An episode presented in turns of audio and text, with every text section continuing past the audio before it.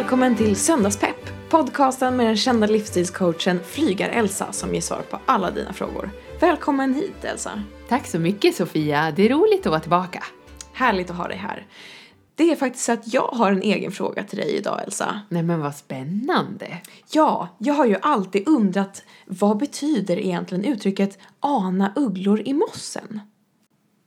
Ja, vi är ju många som undrar samma sak tror jag, för att det är ju nämligen så här va, att själva uttrycket att ana ugglor i mossen, det betyder faktiskt att ana oråd, att man tycker att någonting är lite konstigt och det är liksom inte som det ska vara. Men eh, det här uttrycket har faktiskt ingenting att göra med den faktan som ligger bakom. För det var nämligen så här, ska du veta, att ugglan, den kom först till som en slags växt som växte i mossen. Så det är därför det heter ugglor i mossen. Och sen så utvecklar den sig under många hundratals år till att bli en slags svamp. Och sen till slut ur svampen så kom det ugglor. Och så fick de vingar och så kunde de flyga och så där och jaga möss på nätterna. Och det är alltså det här som heter, som kallas för evolutionen och det har du ju säkert hört talas om förut. Mm. Så egentligen så kan man säga att det handlar om att eh, man under lång tid utvecklar sin egen inre potential, alltså från svamp till uggla. Mm, mm. Okej, det är så det ligger till alltså. Tack ja. snälla Elsa för ditt fina svar. Nu känner jag mig alldeles lugn och trygg med det fantastiska svaret. Roligt att höra. Då går vi vidare. Vi har med oss Björn på telefon som har en fråga till dig Elsa. Eh, jag heter Björne.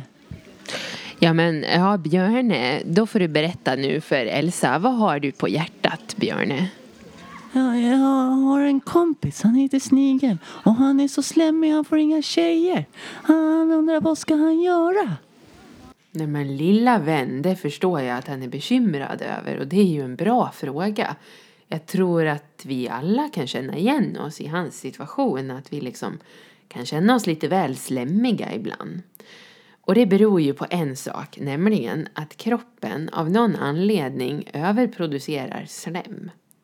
Man har ju vetat sedan mycket, mycket länge tillbaka, alltså jag redan de gamla grekerna visste att det finns fyra vätskor hos människorna.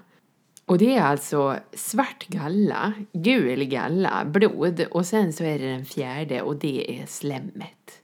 Och när det bildas obalans i kroppen mellan de här, det är då jag rekommenderar att man ska gå till apoteket och så ska man köpa upp sig en årsförbrukning av sådana där näsdukar och så får man se till att torka av sig lite bättre helt enkelt. Lycka till önskar jag dig Björne. Tack snälla Elsa för dina fina råd. Nu har vi alla fått handfasta tips för hur vi ska hantera vårt slem i vardagen helt enkelt. Och till alla er där ute, kom ihåg att skicka ett mail med din fråga till sondagspepp@gmail.com. Tack för den här gången, vi hörs! Hej då!